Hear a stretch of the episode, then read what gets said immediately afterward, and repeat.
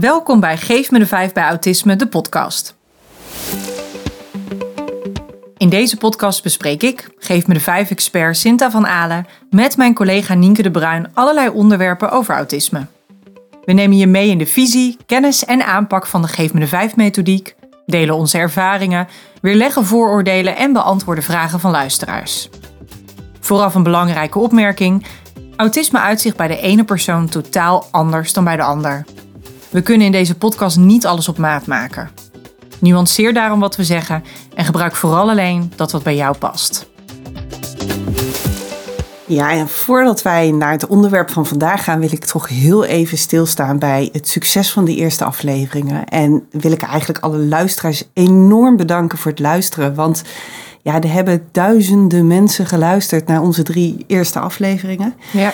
En nou, hoeveel mailtjes heb jij gekregen en hoeveel appjes en berichtjes en telefoontjes van mensen die enthousiast waren, die ons bedankten, uh, veel of niet? Ja, echt veel meer dan, uh, dan verwacht. Ja, ja. ja, echt fantastisch. En ja, de meest mooie berichten ja, zijn toch degene dat mensen zeggen, ja, dankjewel voor het opnemen hiervan. Ja. Uh, ik herken hier zoveel in.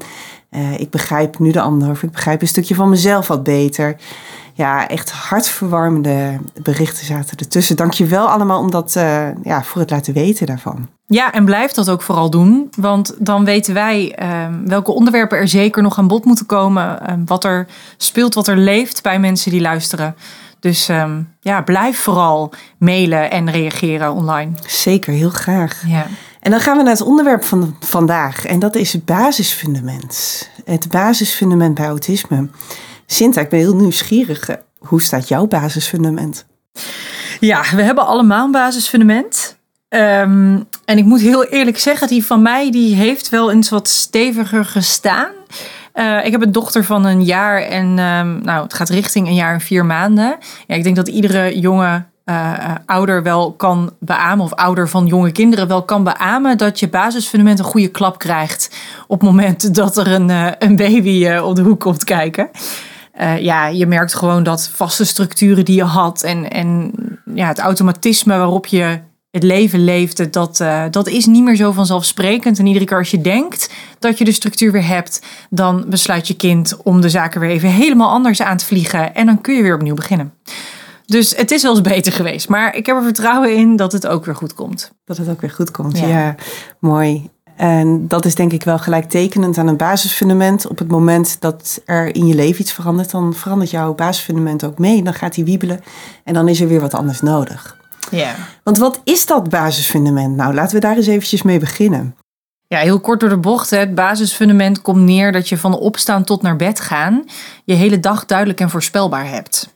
En dat wil niet zeggen dat je hele dag tot op de seconde is ingepland. Um, het kan best wel zijn dat je lege blokken hebt waarin je tijd voor jezelf hebt. Of waarin je denkt, nou, er liggen nogal wat klusjes en ik bekijk wel wat ik ga doen. Um, maar jij weet in ieder geval ook dat je, je hebt het vertrouwen dat je in het moment die tijd ook ingevuld krijgt met datgene wat je op dat moment wil doen. Dus er is rust en voorspelbaarheid over de dag.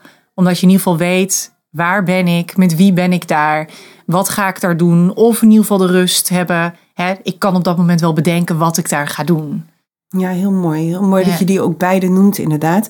Eigenlijk is het, het, plaatje wat wij hier altijd bij maken, is dat we een, een, een bedje tekenen van de ochtend, hè, waar je uit opstaat, en het bedje van de avond. En daartussen maken we een hele reeks met puzzelstukjes. En elk puzzelstukje staat voor een bepaald moment, een bepaalde taak in de dag. Ja. Ja, en oftewel, of je hebt hem dus duidelijk, die taak, of je hebt hem niet duidelijk, maar je weet, nou, dat kan ik duidelijk maken in het moment. Ja. Ja. En dat is de ene kant van het basisfundament. Maar de andere kant, dat kan op taak zijn, maar het kan ook op communicatie zijn, hè? Ja, je kunt kijken naar een, een basisfundament. Sterker nog, dat is eigenlijk wat wij voorheen altijd deden. Ja. Als je teruggaat naar hoe Geef me vijf in eerste instantie dat basisfundament benaderde, dan was dat altijd op taak, op structuur. Um, ja, ging heel erg over wat wij noemen die ketting van taken gedurende een dag. Ja, klopt. Alleen er is de laatste jaren wel het een en ander in veranderd. Ja, ik denk hoe meer er uh, meisjes kwamen uh, waar we mee in aanraking kwamen, meisjes en vrouwen met autisme, hoe meer bekendheid daarover kwam, dat er toen ook meer bekend werd ja, dat we de verschillen zagen. Dat we ook zagen um, dat die ja, soms helemaal niet zoveel behoefte hebben aan de taken duidelijk maken. Dat ze ja, daar wel uitkomen. Het helemaal niet zo belangrijk is wanneer we gaan eten, wanneer ik naar school moet, et cetera. Maar dat het eigenlijk veel belangrijker bleek dat er duidelijkheid was over wie ben ik. Wat, wat vind ik leuk? Waar hou ik van? Maar ook het sociale aspect. Wat kan ik verwachten van de ander? En word ik wel geaccepteerd door die ander? En eigenlijk kwamen wij erop uit dat er dan basisfundament kan bestaan op drie verschillende soorten ehm, eh, manieren. Je kan een basisfundament hebben op structuur. Je kan een basisfundament hebben op jouw ik en ook op sociaal. Ja, en bij alle drie geldt denk ik dat op het moment dat je daar geen basisfundament hebt staan, dat dat echt kan voelen als overleven. Ja, zeker. Ja. En wat zie je dan op het moment? Hè? Op het moment dat er dan geen basisfundament is. Want ik denk dat het signaleren van of er wel of niet een basisfundament uh, staat, dat het enorm belangrijk is. Want op het moment dat je dat signaleert, dan kan je er ook aan gaan bouwen. Dan weet je ook, oké, dit is wat ik te doen heb. En waaraan kan je dan zien dat het basisfundament er nog niet is? Ja, wat je in de regel ziet, is dat, nou, dat iemand dus in die overlevingsstand zit. En dat kan betekenen dat um, iemand uh, gedurende een week, dat er heel veel momenten zijn waarop er um, um, nou ja, een ontploffing van gedrag is. En dat kan natuurlijk naar binnen zijn of naar buiten zijn. Dus het kan zijn dat, dat iemand zich terugtrekt.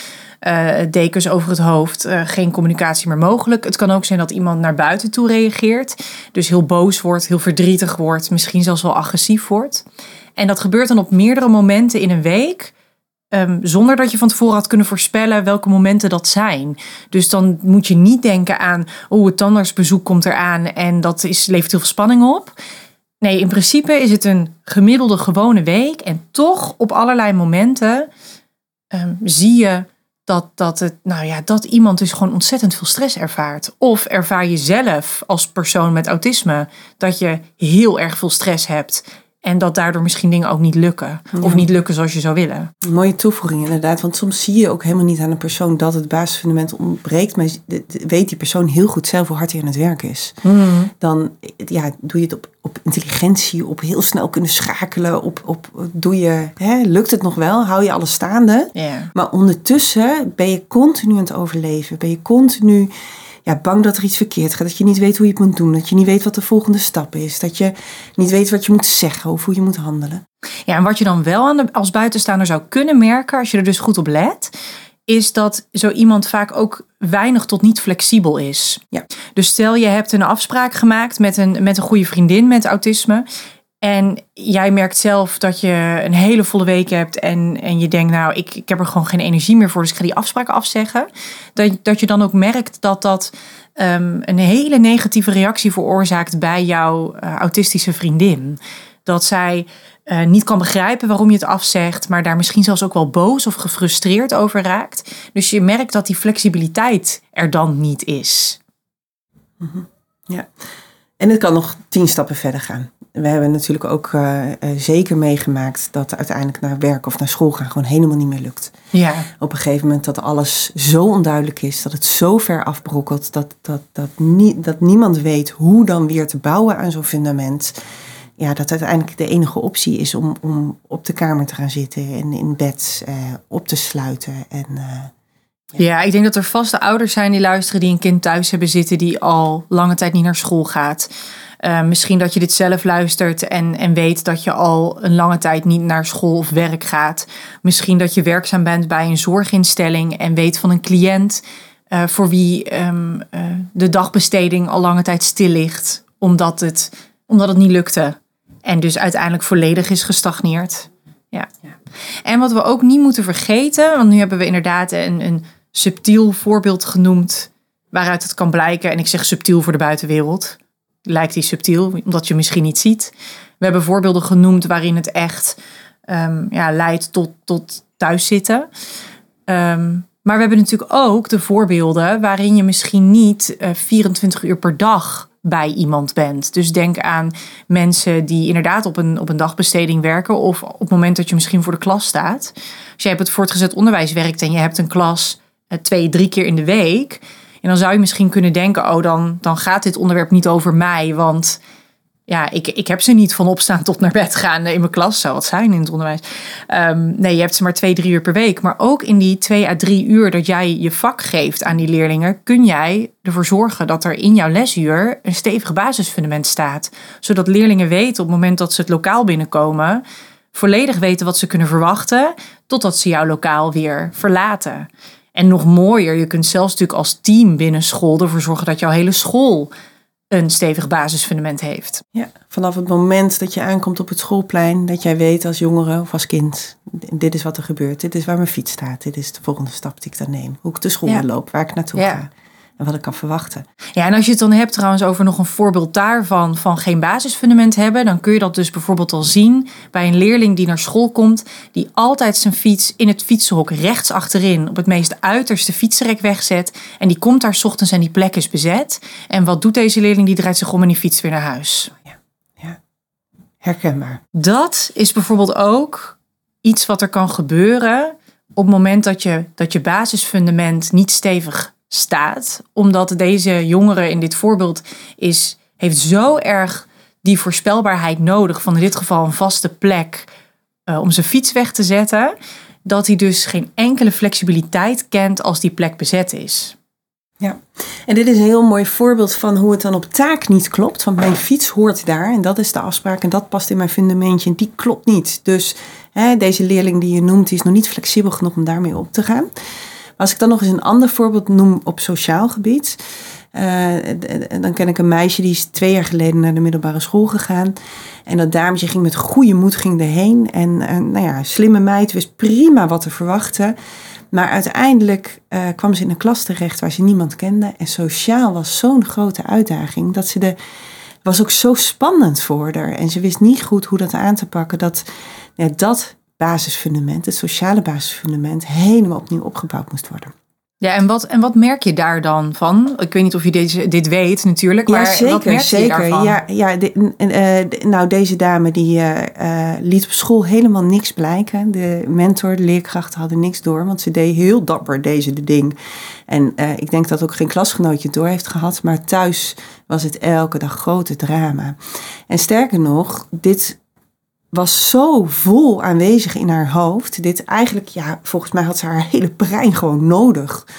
Al haar energie was nodig om dit voor elkaar te krijgen, om, om contact te kunnen leggen. Dus thuis lukte niks meer, maar ook het leren lukte niet. Terwijl ze dat prima kon. Maar daarop focussen, dat, dat was geen optie meer. Dus ze heeft heel hard moeten werken. Ehm, en uiteindelijk is het met de mentor opgepakt die uh, echt dacht, nou, dit had ik niet gezien. Dit, dit is voor mij echt nieuw. Uh, zo goed kon, ja, kunnen deze meiden dus verbergen. Maar uiteindelijk doordat de mentor het een en ander heeft gedaan, haar bij een ander groepje heeft laten aansluiten en, en daarin wat linkjes tussen wat meiden en haar heeft kunnen leggen, uh, gaat het nu, twee jaar later, gaat het goed. Maar dit heeft zeker anderhalf jaar gekost voordat er rust terugkwam. Ja, ja dit is wat je veel leest over meisjes en vrouwen met autisme het camoufleren, het maskeren van gedrag. Um, dat, dat kan dus dit tot gevolg hebben dat, uh, ja, dat je iemand nodig hebt in je omgeving die het wel weet en signaleert en het weer kan neerleggen bij bijvoorbeeld school. Ja. Omdat anders misschien de conclusie is, ga maar een niveau lager, want je, want je kan de leerstof niet aan. Ja. Terwijl daar natuurlijk eigenlijk helemaal niet de oorzaak lag. Nee, zeker niet. Nee, en nee. het belang hierin is dat zowel ouders heel goed begrepen waar dit vandaan kwam, als dat school het begreep en het mocht er zijn. En ouders en school konden hierin ook samenwerken en voor haar een omgeving bieden die nu ja, een basisveiligheid biedt op sociaal gebied en waarin ze nu lekker in de vel zit. ja. ja. Ja. ja, dus kortom met dat basisfundament, het, het komt dus neer op uh, duidelijkheid en voor, voorspelbaarheid gedurende uh, de hele dag. Um, maar misschien ook wel gedurende de tijd dat je op een bepaalde plek bent. En die duidelijkheid en voorspelbaarheid kan plaatsvinden op de taak. Dan moeten we echt denken aan een, een, een dagstructuur, een structuur op een dag. Het kan ook plaatsvinden in uh, jezelf, in wie ben ik en op sociale communicatie. Ja, klopt. En van die ik hebben we eigenlijk nog geen voorbeeld uh, genoemd. En het is misschien wel goed om daar ook nog een voorbeeld van te noemen. Waar ik gelijk aan moet denken, uh, is ook een voorbeeld van een meisje die zei: Ja, dan ben ik daar met mijn vriendinnen en dan staan we daar in die kledingwinkel en dan willen wij kleren samen kopen. En iedereen weet wat hij leuk vindt. En dan zegt dat meisje, zegt, ik weet dat dit mij altijd heel goed staat, een veehals, want dat past heel goed bij mijn nek. En de ander zegt, deze kleur staat mij altijd heel goed. En ik heb geen idee. En ik voel me dan zo ongelukkig. Volgens mij waren dat haar woorden niet. Maar dat is uiteindelijk waar het, waar het op terecht, kan, terecht kwam. Dat ze daar staat en dat ze geen idee heeft. Maar wat past dan bij mij? En dan is jouw basisfundament van jouw ik is zo wiebelig. Is, is zo, je weet het gewoon niet. Je weet dat, het gewoon niet. dat doet natuurlijk ook weer iets in het sociale. Ja, zeker. Want of je kunt niet echt meedoen met de activiteit. En dat valt die andere dan wellicht ook weer op. Of je gaat kopiëren wat je bij een ander ziet. En waarop die anderen denken, kun je het zelf niet bedenken. Want je doet altijd precies wat ik doe. ja. Ja, Of dat je dingen gaat kopiëren van mensen waarvan je denkt, ja, dit past eigenlijk gewoon niet bij mij. ja. Ja, Ja, je moet het nog een keer een andere keer uitgebreider over hebben. Over dat stukje eigen ik en, en ik ja bouwen. zeker. Ja. Daar kunnen we sowieso verder op in. Ja.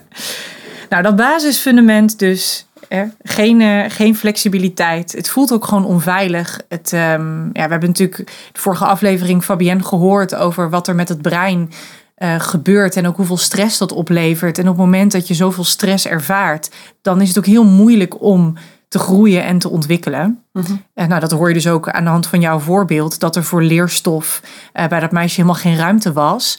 Eh, ze kwam gewoon niet tot leren, omdat er gewoon te veel, ja, druk, te druk bezig met andere dingen in het hoofd, maar misschien ook wel gewoon te veel stress. Ik dacht letterlijk, door die stress is die talisman, ta.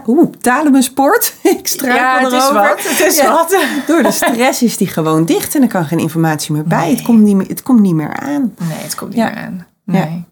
Nou ja, wat is nou de oorzaak van ehm, het feit dat, dat bij mensen met autisme er vaak nou, meer moeite gedaan moet worden voor een basisfundament, laat ik het zo zeggen.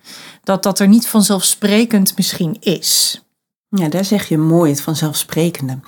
Ik denk als jij geen autisme hebt, dan ehm, eh, kan jouw brein, kan jij al goed voorspellen wat er komt. Je kan al goed, je neemt eigenlijk impliciet al heel veel dingen over. Als je op een gegeven moment in de ochtend merkt dat elke keer dat jij na het aankleden, dat je vervolgens naar beneden gaat en gaat ontbijten en dat na de ontbijt je tanden worden gepoetst, dan wordt dat in jouw hoofd ja, wordt dat een structuur. Dat gaat eigenlijk vanzelf, want dat doe je vanaf jongs af aan al. En als daar een verandering in is, dan is er een verandering in die structuur en dan ga je daar heel relaxed in mee. En bij autisme is het, dit niet zo vanzelfsprekend. Dat, dat je dan vervolgens, dat je dit meemaakt en dan de samenhang ziet in dat het dus elke dag zo is en dat dit een structuur zo is, plakt in je hoofd niet als vanzelfsprekend aan elkaar. Ja, het voorspellen van wat er gaat komen in, in het brein van iemand met autisme is, is moeilijker, is ingewikkelder. Inderdaad, vaak omdat dat de samenhang tussen eerdere gebeurtenissen niet wordt gezien. Als je zo'n talent hebt voor details, dan sla je ook alles op, op heel veel details. Ehm, maar dan kan het dus wel zijn dat je de overeenkomsten in al die gebeurtenissen mist. En daar de samenhang niet over hebt. Ja, dan voelt iedere gebeurtenis weer als een gloednieuwe gebeurtenis. Kan je daar nog eens een voorbeeld van noemen? Als je bijvoorbeeld een, iets in de ochtend pakt. Ja, weet je, waar ik aan moet denken, en dan komt mijn onderwijsachtergrond naar boven, ehm, is dat op het moment dat je, dat je kinderen de tafel van vijf leert, bijvoorbeeld in het basisonderwijs, dan uh, iedereen weet, zo'n tafelsom, dat moet geautomatiseerd worden. Dat moet je gewoon heel vaak doen en dan op een gegeven moment weet je het uit je hoofd en dan kun je het weer inzetten voor moeilijkere sommen. Dus wat doe je dan als leerkracht, heel vanzelfsprekend? Dan ga je dat op zoveel mogelijk verschillende manieren ga je dat aanbieden. Want op het moment dat je het altijd op dezelfde manier doet, ja, dan vliegt de motivatie natuurlijk het raam uit. Dus de ene keer dan ga je een, een spelletje met een bal doen overgooien. En dan sta jij met je rode trui, eh, sta je voor de klas met een bal en je gooit die bal over. En de keer daarna doe je het in verhaaltjessommen. En dan sta je in je paarse blouse bij het raam terwijl je met leerlingen praat over verhaaltjessommen. En de keer daarna krijgen ze de tafel van vijf op een blaadje zwart op wit geprint en moeten ze sommen maken. En weer daarna hebben ze een gekleurde pagina uit hun lesboek waar die tafelsommen door elkaar aangeboden worden. Nou, aan het eind van, van een week of twee weken kent je klas, kent de tafel van vijf en het kind met A6 heeft geen idee. Die heeft namelijk in zijn hoofd twintig keer de tafel van vijf op twintig verschillende manieren, maar die kan jou nog wel precies vertellen welke kleur trui hij aan had toen met de bal werd overgegooid. Want dat is het talent van de details. Maar het kan dus ook voorkomen dat je het grotere geheel ziet. En dat maakt dat het dan heel moeilijk voorspellen is wat er gaat komen. Want waar andere kinderen bij de tafel van vijf dan in hun hoofd gaan naar de tafel van vijf. Is bij dit kind, als jij noemt de tafel van vijf, zijn er twintig opties voor die tafel van vijf. En je weet niet wat er gaat komen. En daar zit denk ik het stukje voorspelbaar maken in. Waarom dat zo moeilijk kan zijn. Ja, en dan is het ook nog eens lastig om, om zelf dat plaatje weer compleet te maken. En dus ja, zou je bijna kunnen zeggen dat soms het leven je dan overkomt. Ja, klopt. En om die dan bijvoorbeeld weer naar de thuissituatie te vertalen, is zo'nzelfde voorbeeld dat elke ochtend is het opstaan anders. Want de ene keer dan komt papa binnen, de andere keer mama. En de ene keer komt je broertje er tussendoor rennen. En de andere keer, nou ja, is het gordijn nog dicht of het gordijn nog open. En hmm. doordat de details elke keer verschillen, is de situatie niet hetzelfde. En wordt het dus ook niet gegeneraliseerd opgeslagen. Dat is het eigenlijk. En kun je je voorstellen eigenlijk, ik, ik ga daar wel eens naar in mijn hoofd, hoe verschrikkelijk onveilig dat moet voelen. Het is een beetje alsof ik uh, naar de tandarts ga. En ik kan, ik kan prima naar de tandarts gaan, maar het is ook weer niet mijn favoriete hobby. En dat ik in die stoel zou gaan liggen en ik weet aan niet wat ze gaan doen. Dus ja, misschien is het alleen controle, maar misschien gaan ze ook wel boren. Nou, misschien komt de kaakchirurg over vijf minuten wel binnen. Ik heb geen idee. En ik weet ook niet wanneer het afgelopen is. Ja. Ja, je nou, kunt ik had zo'n tandarts die dat dan ook niet vertelde. Die, ik heb nu een tandarts en die ondertitelt alles. Die vertelt precies wat hij ziet en wat hij gaat doen en wat dan de volgende stap is. Maar mijn tandarts hiervoor deed dat dus niet. En dan lig jij in de stoel en je bent overgeleverd aan die tandarts. En hij ging dan met zijn assistent over de vakantie betalen, eh, praten. En ik dacht alleen maar, wat ben je nou aan het doen? Wat gebeurt er in mijn mond? Dus ja, ik kan het me voorstellen.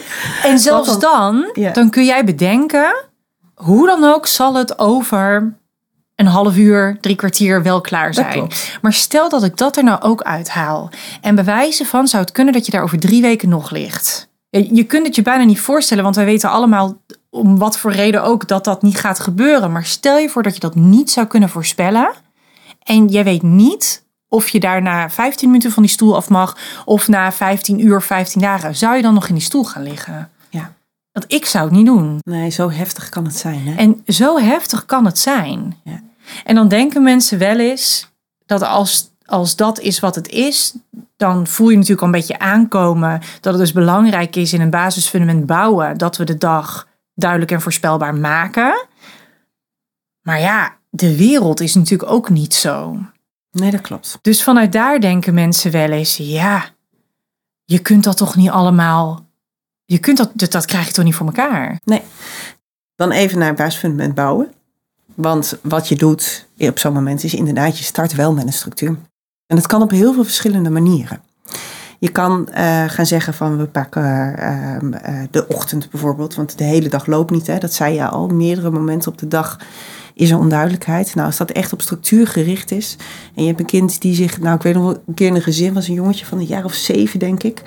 En ik kwam dat gezin in en dat was, nou, was echt drama. Want in de ochtend, hij, hij kleedde zich niet aan. Hij kreeg het zelfs voor elkaar om, als hij dan aan ging kleden... en het was gelukt, om het in verkeerde volgorde te doen. Dus dan kwam zijn onderbroek over zijn broek heen. Nou, je bedenkt het niet zo gek. En dat was niet om gek te doen of om grappig te doen... maar echt in zijn brein, die volgorde, die lukte hem niet. Ah, hij raakte continu afgeleid. Dus moeder was alleen maar bezig met hem terug te sturen naar... oké, ga maar weer je broek doen. Ga er maar weer naartoe. Pak maar weer je broek. Dus die was er aan één stuk door was ze, was druk met hem. En je zag zijn gedachten. Alles wat hij zag ging niet heen. En hij was weer weg. Hij was weer afgeleid. Nou, je kan je voorstellen dat dan na een uur... dat niet alleen moeder, maar ook hij zelf... gewoon kapot is van zo'n ochtend. En dat het fijn is als hij op school zit. Maar op school ging het zo door met deze onduidelijkheid. Dus hier zijn we begonnen met die ochtend en we zijn kaartjes gaan maken. Het leuke is dat hij daar zelf heel goed bij kon helpen. En we zijn kaartjes gaan maken van elke stap. En dan zag je dat de stappen bij hem heel klein waren. Dus het was niet, opstaan was geen stap. Eh, dat was veel te groot geweest. Maar wat het was, was mama komt binnen en mama zegt goedemorgen. Dat was het eerste kaartje. En mama stond altijd in die deuropening en die zei altijd op dezelfde toon goedemorgen. En dan liep mama altijd naar hem toe en die ging naast me zitten op bed en die ging me masseren. En dat was de puzzeltijd die hij nodig had om even wakker te worden. Dus dan ging mama daar twee minuten even masseren. Dat was de volgende stap. En dan kwam, kwam er een kaartje met dat de deken van zijn lichaampje afging. Dat was de volgende. Nou, dit is natuurlijk wel een op en top voorbeeld van hoe fijnmazig, hoe kleine stapjes je zo'n ochtend helemaal kan gaan neerzetten. Hij heeft daarover meegedacht, dus die stapjes werden helemaal zo uitgewerkt. En het, het leuke is van het neerzetten van zo'n fijnmazige structuur, dat als het helemaal klopt bij de persoon, dat het dan heel snel gaat om dit te integreren. Want hij had het zelf helpen maken, ze gingen het doen, maar eigenlijk op dag twee keek hij al maar naar de meeste kaartjes niet meer. Toen zat het al in zijn hoofd. Toen was deze structuur al helemaal ingebed in zijn zijn. Ja, het was natuurlijk gewoon voorspelbaar gemaakt en gezegd: zo gaan we het nu altijd doen. Dat klopt. En soms is alleen al het woordje zo gaan we het altijd Ja. doen. Het woordje altijd is soms al genoeg om de samenhang te maken tussen. Oh, dit is niet iets wat per ongeluk iedere dag voorkomt. Dit is daadwerkelijk iets wat we altijd zo doen. Ja, klopt. En nou begon je natuurlijk met de vraag, hè, oké, je kan niet de hele wereld aanpassen. En dat is ook bij dit yogi zo. Maar door zo te beginnen. En wa- wat moeder alsnog heel veel tijd kost, want ze moest dus daar naar binnen lopen. Ze moest de tijd hebben om het op die manier te doen. Dat vraagt veel van je als ouder. Ze moest dan naast hem op bed zitten en masseren. Maar door het zo kloppend bij hem te doen, kon moeder er ook snel uit. En daarmee bedoel ik dat we op een gegeven moment die kaartjes ook konden aanpassen. Want van dat hele procesje waar moeder bij zat, zeiden we tegen hem: Oké, dit weet je nu. Nu, wij gaan hem nu aanpassen. En vanaf nu doen we hem zo. We hebben een wekker neergezet en hij kon zelf wakker worden. En zo kon hij langzamerhand steeds meer zelf die ochtend gaan doen. Want hij was, ja, hij was 7, 8. Dus, dus dat kon ook. Dat, dat, hij kon dat aan. Maar hij moest alleen even die hoe weten. En dan kan je op een gegeven moment naar steeds meer normaal. Totdat hij na een paar maanden gewoon die ochtend huppelend doorliep. Alsof het niks was. En heb een paar maanden, terwijl dit al jaren gaande was, dat het elke ochtend weer drama was. En jij noemt net even de. eh, hij moest de hoe weten. Er zullen misschien nu mensen luisteren en ook denken: hoe doe ik dit thuis? En jij zei: we hebben plaatjes met hem gemaakt. Klopt. Wat voor.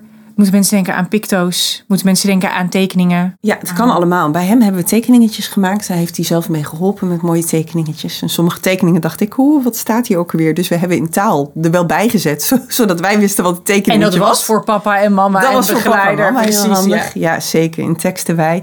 Maar dit, eh, ook dit is op maat. Je kan kiezen, ik maak tekeningetjes per taak. Maar je kan ook kiezen, ik eh, eh, gebruik Picto's. Sclera.be maak ik even reclame voor. Want dat is een website waar je gratis heel veel Picto's vandaan kan halen.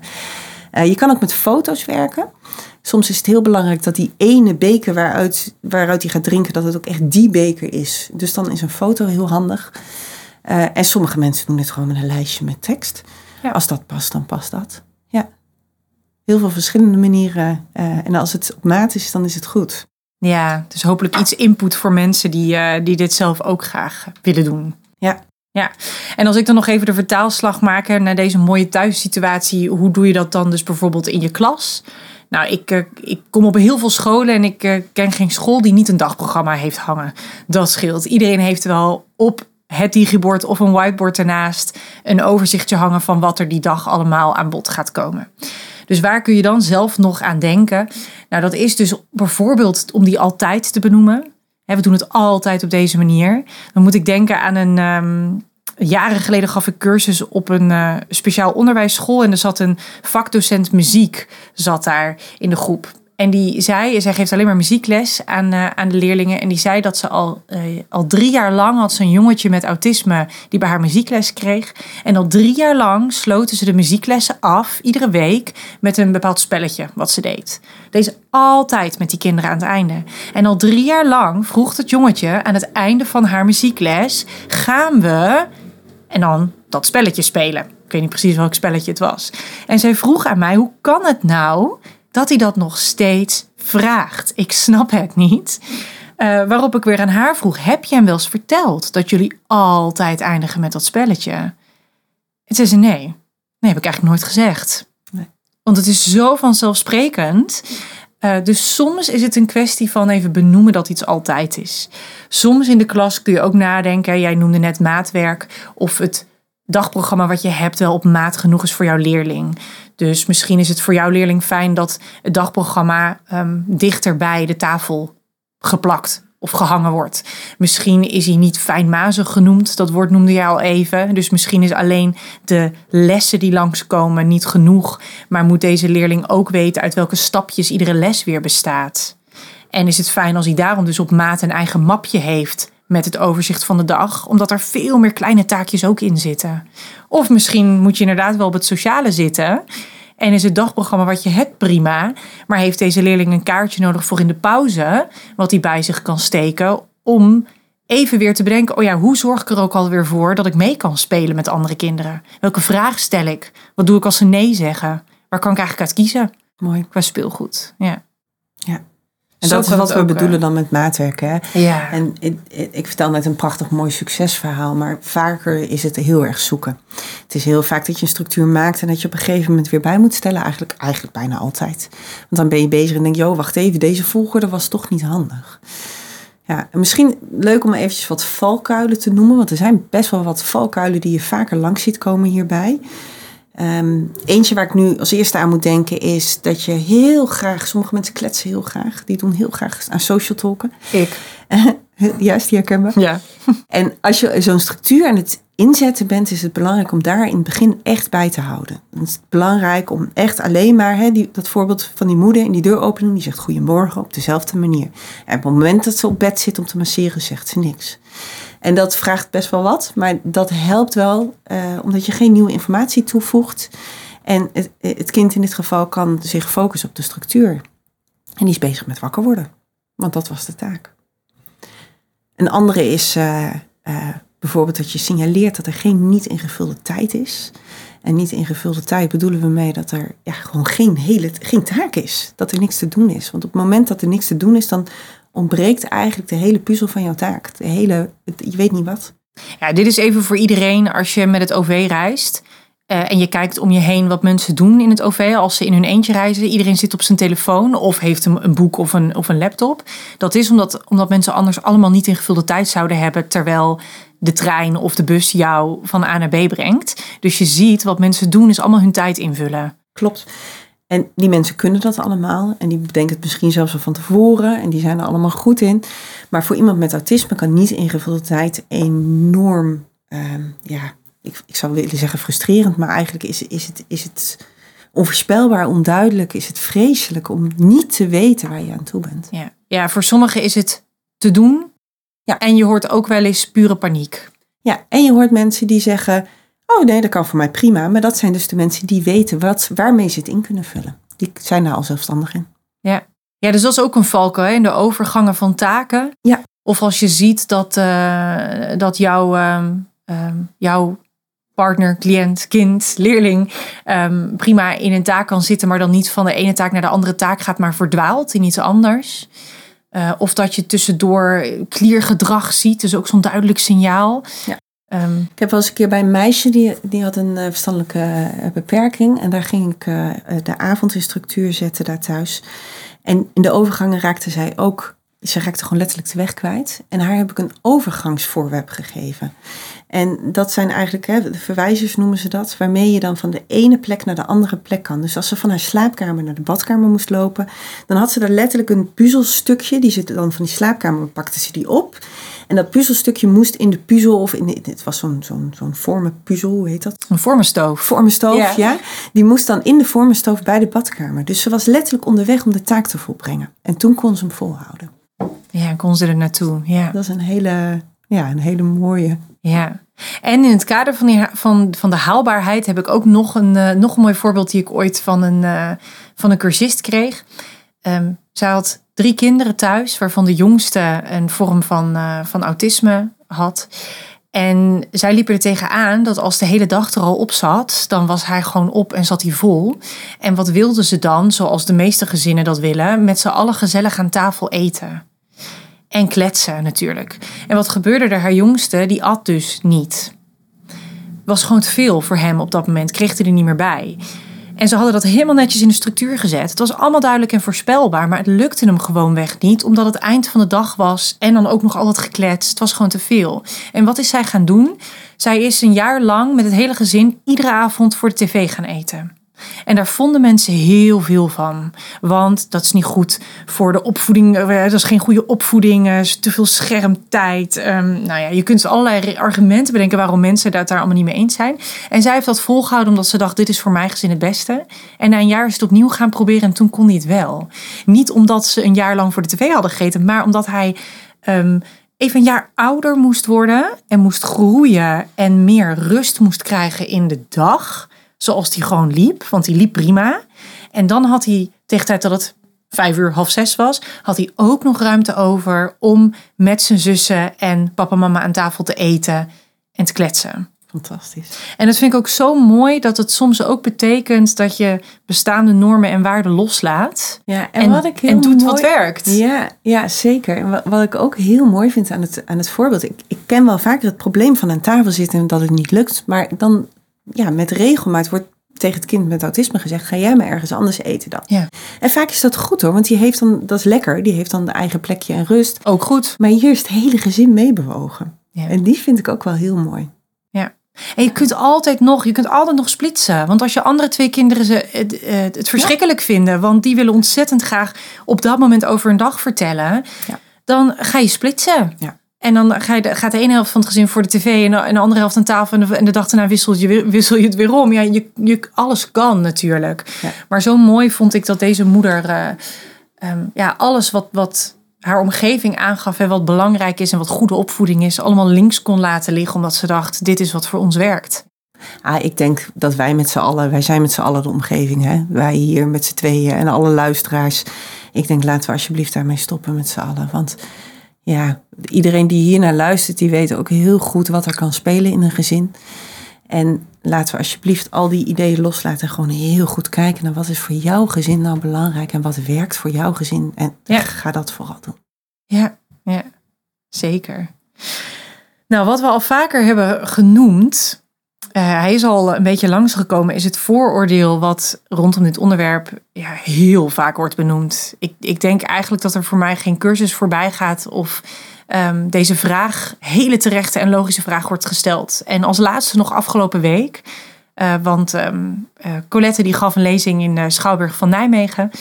En ehm, daarna kreeg ik achteraf, achteraf op basis van die lezing ook weer de vraag. Nou, prachtig verhaal, kon het allemaal volgen en ik eh, snap het, et cetera, et cetera. Ehm, maar als je toch zoveel aanpast voor iemand, hoe dan? Want de buitenwereld is toch ook niet zo. Dus dan, ja, eigenlijk is de vraag dan natuurlijk, dan leer je iemand toch niet omgaan met eh, het leven. Ja, klopt. En we hebben hem net, inderdaad, hij is al vaker langsgekomen, maar we hebben hem net niet helemaal afgemaakt. Nee, en daarom vind ik ook, we moeten er nog even op terugkomen. Want Ja, zeker. Het, het is een hele, hele logische vraag. Ik kan hem zo goed begrijpen. Ja, klopt. En het antwoord is op die vraag juist door de omgeving tijdelijk aan te passen, door zo'n structuur te bieden, door op sociaal gebied regels te bieden voor hoe ga je met iemand om, hoe kan jij sociaal aansluiten, op ik-gebied te gaan bouwen aan, oké, dus jij eh, houdt het meeste van dit eten en deze kleding. Door dat als basis te gaan leggen, worden mensen met autisme heel flexibel. En dat komt doordat wanneer je een basis hebt, dan heb je een bepaalde veiligheid, dan heb je overzicht en dan krijg je ruimte om ook anders te kunnen doen. Ja, er is gewoon letterlijk ruimte in je hoofd. Rust en ruimte in je hoofd. Je voelt je veilig. En dan kun je groeien en ontwikkelen naar helemaal deels een stukje zelfstandigheid. We maken natuurlijk niet voor niks altijd een nuance aan het begin van de aflevering. Nou, als er ergens een nuance op zijn plaats is, dan is dat natuurlijk hier. Want in hoeverre mensen zelfstandigheid eh, in hun leven ervaren of bereiken, dat ziet er voor iedereen volledig anders uit. Ehm, maar het is, het is absoluut een, een feit dat op het moment dat we in het hier en nu zoveel mogelijk duidelijk en voorspelbaar maken op wat nodig is. Ja, jij noemde het al in het kernwoord, dat doe je tijdelijk. Want uiteindelijk, doordat we het nu heel voorspelbaar en duidelijk maken, bouwen we prachtige kaders eigenlijk in het hoofd, waarop iemand vervolgens zelf weer het leven verder kan leven. Klopt. Ja, en soms kost dat veel tijd hoor. Want dat meisje die naar de middelbare school ging, dat voorbeeld wat ik noemde, eh ze had op een gegeven moment dat ze elke keer te laat in de les kwam. En dat was altijd de eerste les in de ochtend. En wat bleek, en dat kon ze prachtig mooi vertellen, ze zegt: Als ik te vroeg ben, dan kan het zijn dat de twee vriendinnen die ik al wel heb gemaakt er nog niet zijn. En dat de meisjes die daar staan, dat het de meisjes zijn die ik zo moeilijk vind. En die staan dan bij de deur en dan weet ik niet wat ik moet doen en dan weet ik niet wat ik moet zeggen. Dus ik ga zo laat mogelijk van huis weg. En dan probeer ik echt op tijd te zijn. En dat kon de mentor beamen, want die zei, ik zie er rennen over het schoolplein. Maar ja, dan ben ik dus wel eens te laat. En op het moment dat zij de basis had, dat, dat ze, we hebben haar geleerd, hoe kan je dan reageren naar die meisjes? Wat kan je dan zeggen als je daar staat? En kan je misschien ook met de meisjes die je wel leuk vindt afspreken ergens, dat je samen naar het klaslokaal loopt. En dat heeft ze toen gedaan. Ze heeft zinnen geleerd om te zeggen en ze heeft afgesproken met de, met de twee vriendinnen. En ja, ze is nooit meer te laat. Het is voorspelbaar maken van de situatie wat als je op school komt. Als je vriendinnen er al wel zijn, dan ga je daarheen. Als ze er niet zijn, dan doe je dit. En dan zeg je dat. En dan weet je altijd wat je moet doen. Ja, dus de basis is een structuur, is weten wat je kan zeggen, is weten wie je bent en daar vaste zinnen over hebben, uh, voor hebben. En vanuit daar uh, kan je flexibel worden krijg je ruimte om te ontwikkelen. En kan je op een gegeven moment hoor je ze zeggen, die structuur mag wel weg. Ach, dat zinnetje wat je toen hebt gegeven, die gebruik ik nooit meer, want ik heb tien andere bedacht. En dan denk je, yes, de structuur is niet meer nodig, gegroeid naar zelfstandigheid. Ja. ja. Mooi, en dan kunnen we met een onvoorspelbare buitenwereld dealen, want dan hebben we dat geleerd. Hey, en als we toch nog even in het kadertje voortgezet onderwijs zitten. Wij hebben een uh, vraag gekregen van uh, Eline, die docent is op het voortgezet onderwijs. Uh, en ik ga gewoon haar vraag even voorlezen. Zij zegt namelijk: Als docent ben ik zelf helemaal niet duidelijk en voorspelbaar. Ik ben juist heel chaotisch en creatief. En bij het maken van een les vind ik het heel leuk om dingen gewoon nog open te laten. Um, ik weet ook bijvoorbeeld niet van tevoren hoe lang een onderdeel gaat duren. Wat kan ik als, zelf nou als docent doen om wel meer duidelijk en voorspelbaar te zijn voor de leerlingen die dat nodig hebben? Ja, ik vind het een heerlijke vraag. Ja, ik, ook. Ik herken hem ook enorm. Ik, ik hou ook niet zo van van tevoren alles vastleggen. En ik heb mezelf wel eens, toen ik net begon met, uh, met het werken met deze doelgroep, heb ik mezelf afgevraagd, hoe kan het dan dat mensen mij altijd wel heel fijn, duidelijk en voorspelbaar vinden? Wat doe ik dan? Want blijkbaar ben ik dat dus toch. En dat zit hem alles in mijn communicatie. Want je kan namelijk ook in het moment zelf heel duidelijk en voorspelbaar zijn. Als jij als juf zegt, nou, ik heb een uh, hele leuke lesstructuur bedacht en ik weet, ik ga het hierover hebben en die en die onderdelen gaan langskomen. Maar ja, ik, waarschijnlijk doet ze dat, ik stem lekker af op de klas. Hoe ik dat doe en hoe lang ik het laat duren en wat werkt. Ja, dan is dat prima, zolang je dat vertelt. En op het moment zelf zegt: Oké, dit is de les, dit is wat ik wel weet. En ik weet dat we hiermee gaan starten.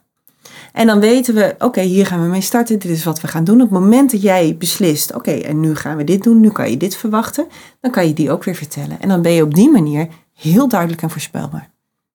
Ja, ja en wat ik heel mooi vind is het stukje, ik ben zelf heel chaotisch en creatief.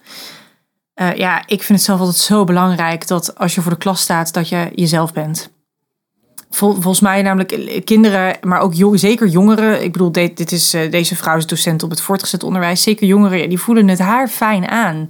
Als jij daar iets staat te doen wat, wat niet bij jou past en wat niet bij jou klopt. Um, en dan kun je ook niet, niet een fijne relatie met ze opbouwen. Als jij daar ja, iets anders staat te doen, dan ben je een trucje aan het doen ook. Ja, en dat werkt ook dit is niet. in de zorg niet anders. Uh, en dit is als ouder zijn nee. niet anders. Op het moment dat jij een, een trucje doet, dan ben jij zelf ook niet. Dan ben je niet jezelf, je bent niet authentiek. Uh, en dat wat jij doet, uh, beklijft dan ook niet. Is ook niet kloppend, is niet passend. Nee. Ja. Nee, ja, in, het, in het moment duidelijk en voorspelbaar zijn door gewoon ook heel veel te ondertitelen. Ja. Zeggen wat je doet en doen wat je zegt. Ja, heel mooi. Ja. En dat is ook meteen fijn voor iedereen die zich afvraagt: hoe doe je dit dan als er onverwachte dingen gebeuren? Want dat is natuurlijk ook het leven. En dan geldt, krijg je eigenlijk hetzelfde antwoord. Ja. Ik weet nog wel, Colette gebruikt dit heel vaak als voorbeeld. Um, uh, ik woonde nog thuis en we hadden heel veel pleegbroers en zussen. Dus ik denk op dat moment dat we met dat we wel zeven kinderen waren. En we waren op een boerderij gaan wonen die echt oud was en alles moest verbouwd worden. Toen was er een periode dat het dak eraf ging en gedaan werd. En dat werd allemaal zelf gedaan, want hè, niet ingevulde tijd is niet fijn. Dus iedereen hielp en er werd geklust. We leefden buiten in een tent. En het was toen op dat moment was een periode. Uh, de afspraak bij ons thuis was elke vrijdag eten we patat. Dat was de zin, dat was wat we deden, dat was duidelijk. Alleen in die periode, ja, ik, ik snap het nooit zo goed. Want ik denk, ja, er wordt toch verbouwd om makkelijk een patat te halen. Maar dat gebeurde niet. Dat was juist in die periode, volgens mij was de barbecue die buiten elke keer aanstond. En dan was het elke vrijdag, vandaag is de uitzondering. Maar volgende week eten wij gewoon weer patat. En dat was op een gegeven moment week na week na week na week kwam de uitzondering. Maar doordat er elke keer werd genoemd, maar volgende week geldt de regel weer, was het oké. Niemand die er enige problemen mee had. Na maandag aten we weer een keer patat. En dat was goed. Ja. Een heel mooi duidelijk voorbeeld van hoe flexibel je kan worden als die altijd regel er wel staat.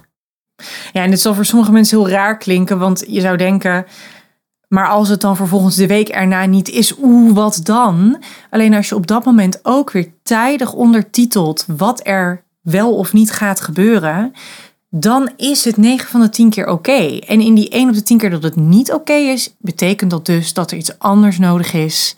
En dat is dan weer het stukje maatwerk. Ja, klopt. Bijvoorbeeld dat je even op een planning aangeeft hoeveel weken er geen friet gaat komen voordat het wel weer is. Die zou heel mooi Of- zijn als die nodig is. Ja, of zeker. dat je, zoals je al zei, ehm, dan de omgeving aanpast en denkt, dan even geen barbecue aan, we gaan friet halen. Dat kan natuurlijk ook. Dat kan ook. ja. Ja, mooi. Dat was het basisfundament. Volgende week eh, hebben wij weer een nieuwe aflevering en sluit er een gast aan. Rowan sluit dan aan en die eh, deelt met ons hoe het is. Ehm, nou, dat zeg ik heel raar, maar zo kan ik hem helemaal niet zeggen. Rowan sluit aan en eigenlijk samen met jou, Sinta, want Rowan is jouw broer, delen jullie hoe het is om broer en zus te zijn als één iemand autisme heeft. Ja, exact. Dat is het. Zo moet ik hem zeggen. Ja, oftewel, we gaan het hebben over brusjes. We gaan het hebben over brusjes. Ja, klopt. Nou, bedankt voor het luisteren naar Geef me de 5 bij Autisme, de podcast. Als je je abonneert, word je op de hoogte gebracht zodra er een nieuwe podcast online komt. Vergeet ook zeker niet om een reactie op deze aflevering achter te laten, daar waar je deze aflevering hebt beluisterd of op onze social media. Wil je dan meer leren over onze methodiek? Kijk dan op de website www.geefmede5.nl voor onze boeken en scholingsaanbod. En heb je nog vragen of opmerkingen over deze aflevering? Die kan je sturen naar podcast.geefmede5.nl. Geef me de 5 met het cijfer 5.